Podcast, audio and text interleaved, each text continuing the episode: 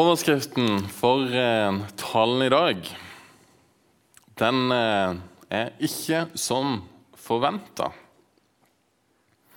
Og Hvordan reagerer du når ting ikke blir som du forventa?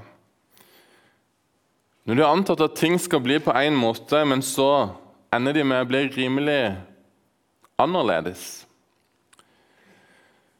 Jeg leste noe om hva det er som gjør ting i livet mest krevende å håndtere. Og Det er når det skjer noe som kalles for eh, the expectation gap, eller forventningsgapet. Eh, og Som et lite eksempel på det når eh, den etterlengta ferieturen Jeg vet ikke om denne her virker.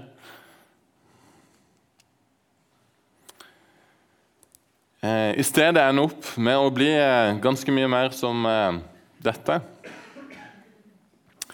Kanskje ikke det mest alvorlige, men likevel et eksempel på det. For én ting er å gå noe i møte som du har forventa, som du har antatt skal bli vanskelig. Noe annet er når forskjellen mellom det du hadde forventa, og det som faktisk skjer, blir veldig stor og gjerne på en negativ måte.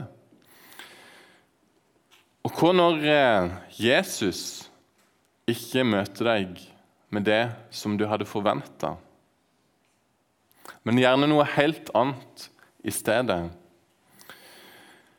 Vi skal ta og lese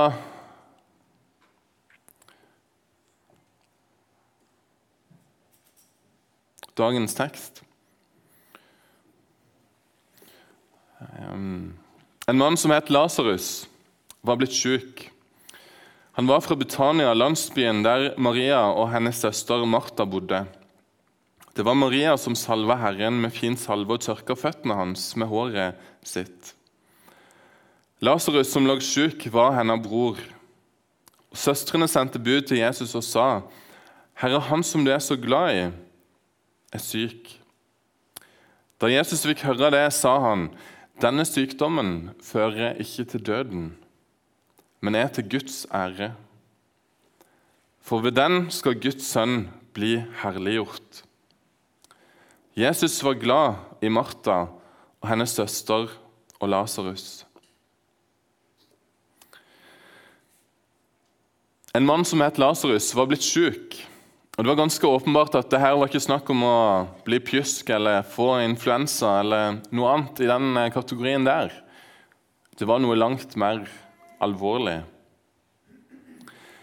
Sannsynligvis noe som eh, Martha og Maria så at eh, var livstruende. Døden dukka opp på radaren hjemme hos Martha og Maria.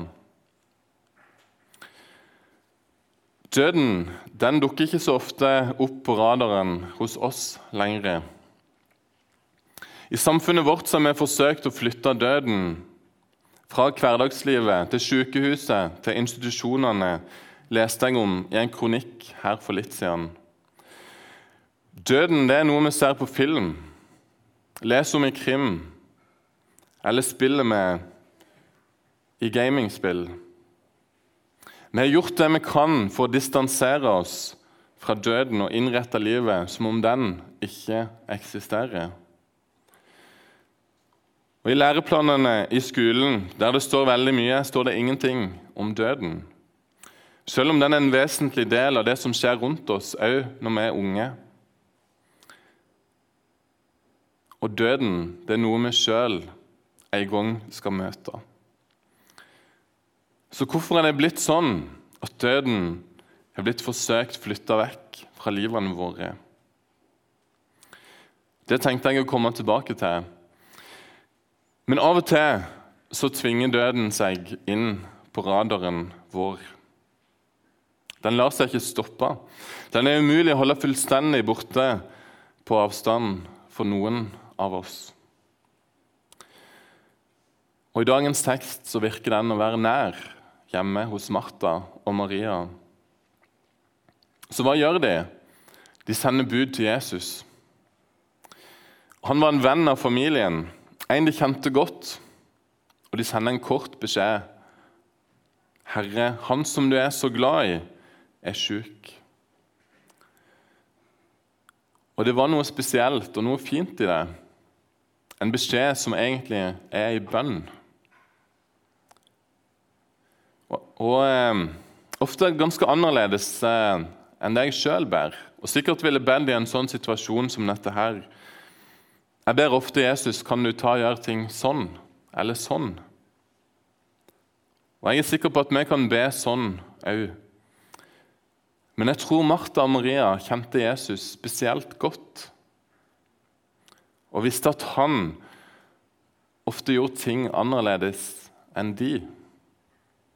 Forsto ting de ikke forsto.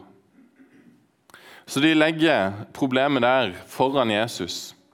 Her har du det. Lasarus, han som du er så glad i, han er blitt syk. Og du ser, du vet hva som er best. Samtidig så tror jeg, så er jeg egentlig veldig sikker på at de hadde noen uuttalte forventninger. Noen ønsker om hva Jesus kunne gjøre her. Kom og gjør han frisk igjen. Jeg tror det var det de forventa skulle skje akkurat her. Sånn at Jesus han går rundt og helbreder mange folk som ikke kjenner han engang. Og Jesus han var glad i Martha Maria, står det. Han var glad i Lasarus. Og da kom han vel til å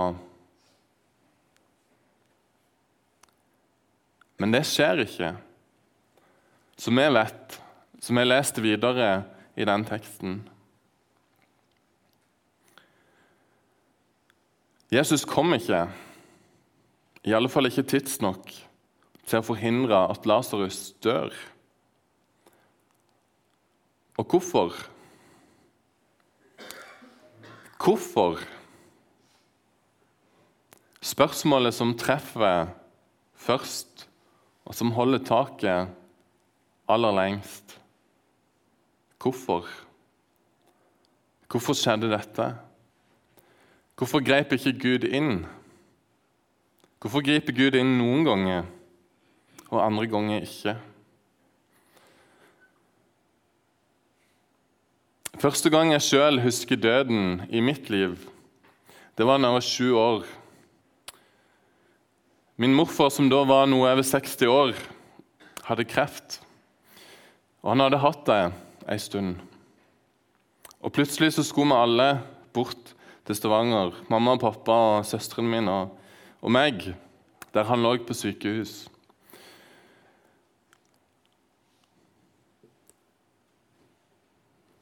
Og Jeg husker jeg spurte mamma kommer morfar til å dø. Og jeg husker jeg forventa at jeg skulle få noen beroligende ord fra mamma. At hun skulle si det at ja, morfar han er veldig sjuk, men det kommer til å ordne seg. Han kommer til å bli god igjen. Men mamma sa ikke det. Hun sa at eh, ja, morfar han kommer nok til å dø. Så vi må dra og si farvel før han skal til himmelen. For legene hadde sagt det at eh, nå var det ikke mer de kunne gjøre for morfar. At dette nærmer seg slutten, så familien må komme. Men samtidig så var det mange som satt og ba og det var noe som skjedde. Morfar han ble plutselig bedre. Og Han ble undersøkt, og han ene legen kom inn der til mormor og morfar, som ennå lå på senga. Og Han sa det at 'her vet vi ikke hva som har skjedd', men Ingvald har blitt frisk. Og Det trengte ingen av dem egentlig noen forklaring på, for de visste det. De visste hva som hadde skjedd. Og Det gjorde et uutslettelig inntrykk på en sju år gammel gutt, og på mange som fikk se det, som fikk erfare det, hvor Gud kan gjøre. Og Morfar han levde i 25 år til og var et forbilde òg for meg om det å følge Jesus i livet. Da fikk han kreft igjen, og han ba òg da om å få leve videre.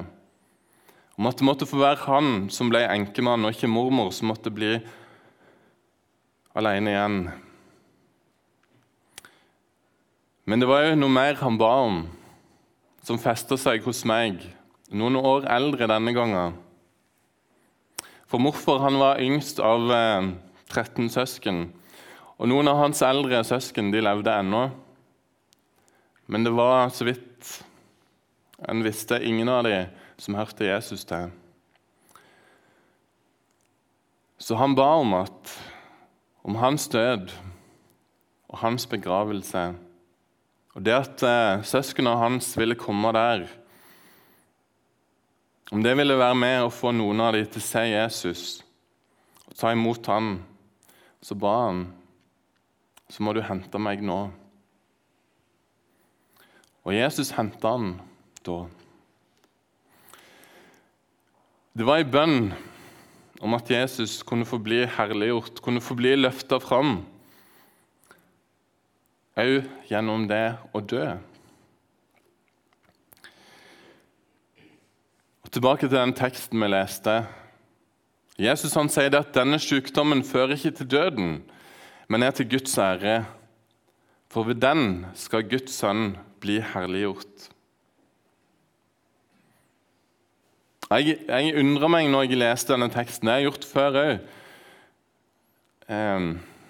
Først over det at Jesus sier at denne sykdommen fører ikke til døden. Når Lasarus faktisk dør rimelig kort tid etterpå, noen dager etterpå.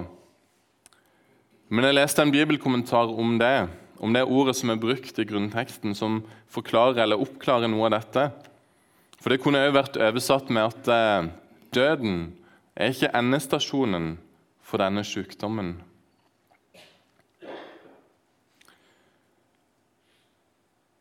Men hva med dette at eh, det her, denne hendelsen, de tingene som skjedde, fikk hver til Guds ære? At Jesus ble herliggjort gjennom dette? Hvordan ble han det? Og ja, Jesus han viser det at han er herre over døden. Og Senere så leser vi at eh, det var mange folk som kom til tro på Jesus pga. at det her skjedde. Som så dette. Samtidig er det noe som vil reagere i oss her. Sant? Lidelse, død, sorg.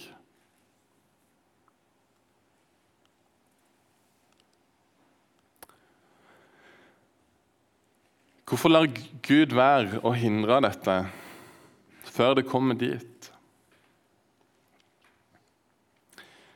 Det har ikke noen intensjon eller håp om å kunne si mye om. Bare noen antydninger. Noen ting som jeg eh, sjøl har fått eh, sett. For min eh, morfar og mormor hun lever ennå og blir snart 95 år. De opplevde ikke bare helbredelse i livet. De hadde åtte barn, og de måtte erfare det og begrave to av sine gutter. Han ene i voksen alder etter han hadde tatt livet sitt. Og han første som tenåringsgutt som ble ramma av kreft. Han het òg Livar og er min onkel i himmelen. Og han var fast bestemt på å bli misjonær. Det ble han ikke. Men på stueveggen hjemme hos mormor, i et åpent hjem der utrolig mange har vært innom gjennom årene, der er det en hel vegg med han som du ikke går så lett uberørt etter, fra etter å ha sett. Med bilder med ord og bibelvers som dere kan se et utdrag av her. Så jeg tenker Livar han ble misjonær, han. Bare ikke helt sånn som folk hadde tenkt.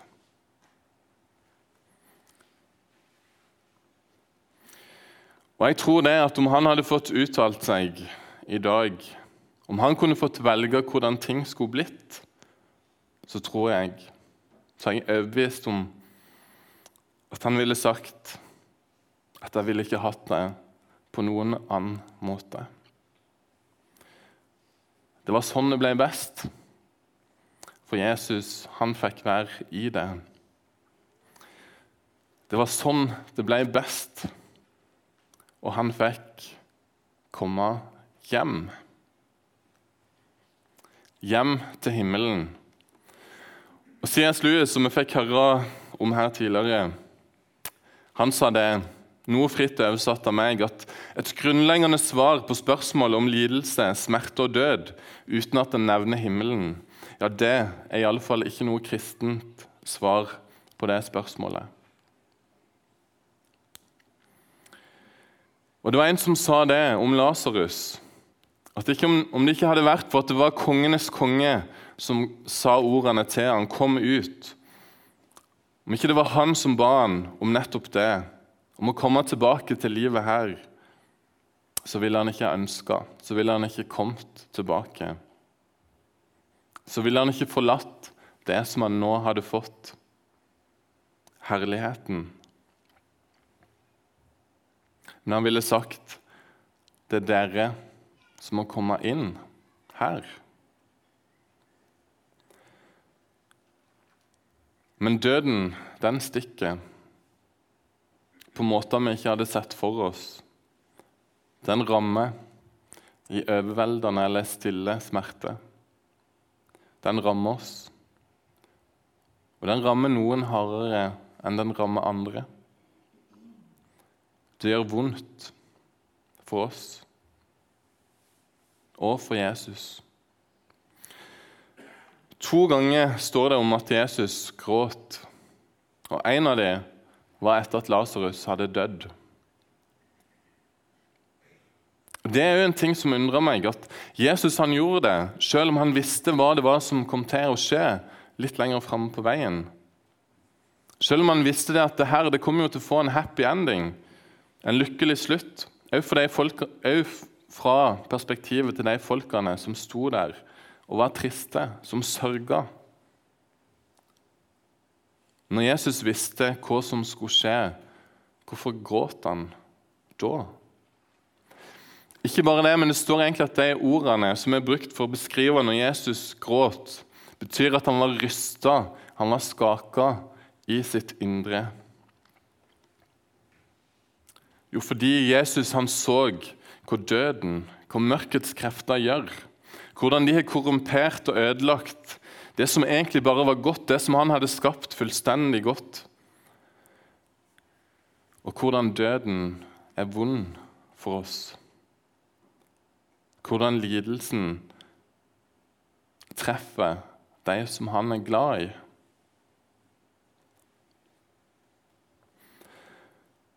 Og Jeg kan bare prøve å tenke meg hvordan det må være for Jesus, som elsker oss perfekt. Jeg elsker uperfekt, men likevel guttene mine er veldig høyt. Og det var jeg som fikk jobben å dra på helsestasjonen når Håvard var noen eh, måneder gammel. Og Så hadde jeg han der i fanget.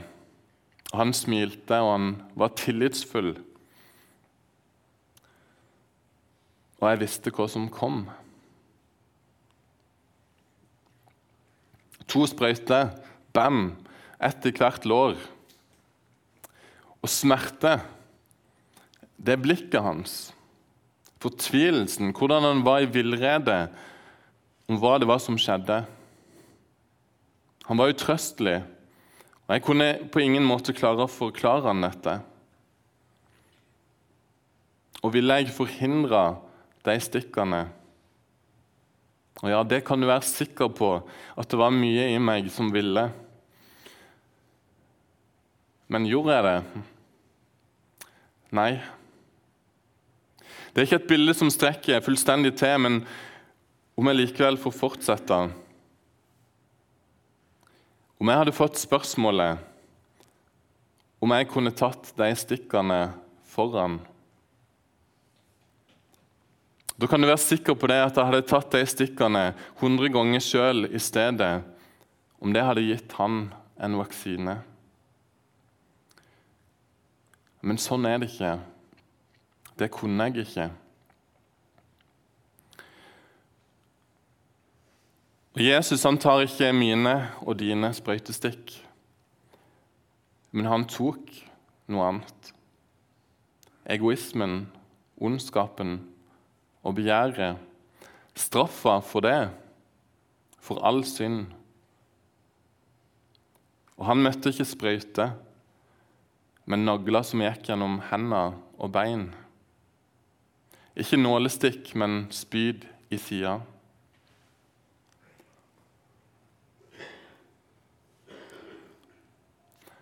Og all Guds straff er ved synda så høyt elsker Gud meg og deg. Det er en grunn til at døden er samfunnets siste tabu, til at den gjemmes bort. Så vi skal se minst mulig av døden. Og det at 48% av Norges befolkning ikke tror at det fins noe, noe, liv etter døden. 27% tror at eh, det fins noe der, men de vet ikke hva. Bare 5% tror det at det finnes to utganger, en evig fortapelse og et evig liv. Og tror en ikke på det siste, så er det all mulig grunn til å frykte døden. Da er den pusten som ubønnhørlig slukker livet ut. Håpet som tas ugjenkallelig bort. Håpløshetens og mørkets seier over livet. Men det Bibelen sier, det er et helt annet budskap om at døden ikke er slutten. Den er på en måte begynnelsen på selve livet. Og Vi sørger når døden treffer oss, men ikke uten håp. Vi gråter, men med blikket festa framover, mot én dag der døden ikke skal være mer. Der døden ikke bare er beseira, for det er han allerede, men òg slutt ikke mer.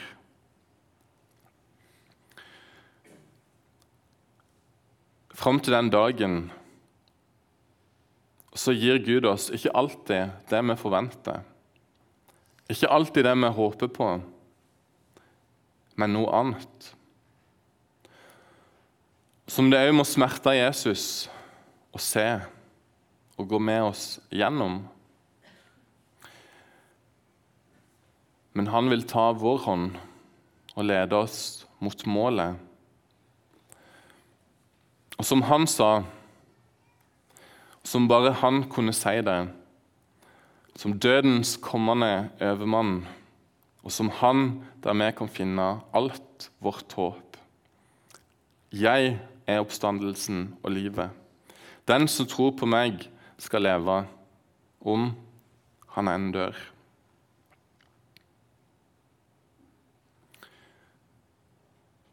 Om det er en realitet, ikke er en realitet i ditt liv, at du tror på Han, så kan det bli det i dag. Om det er noe som allerede er en realitet, så en dag, en dag vil Jesus gi deg usigelig mye mer enn det du har forventa. Where the true sun shines, and we shall meet, som C.S. Lewis sa det. Der den sanne sola skinner, og vi skal møte oss.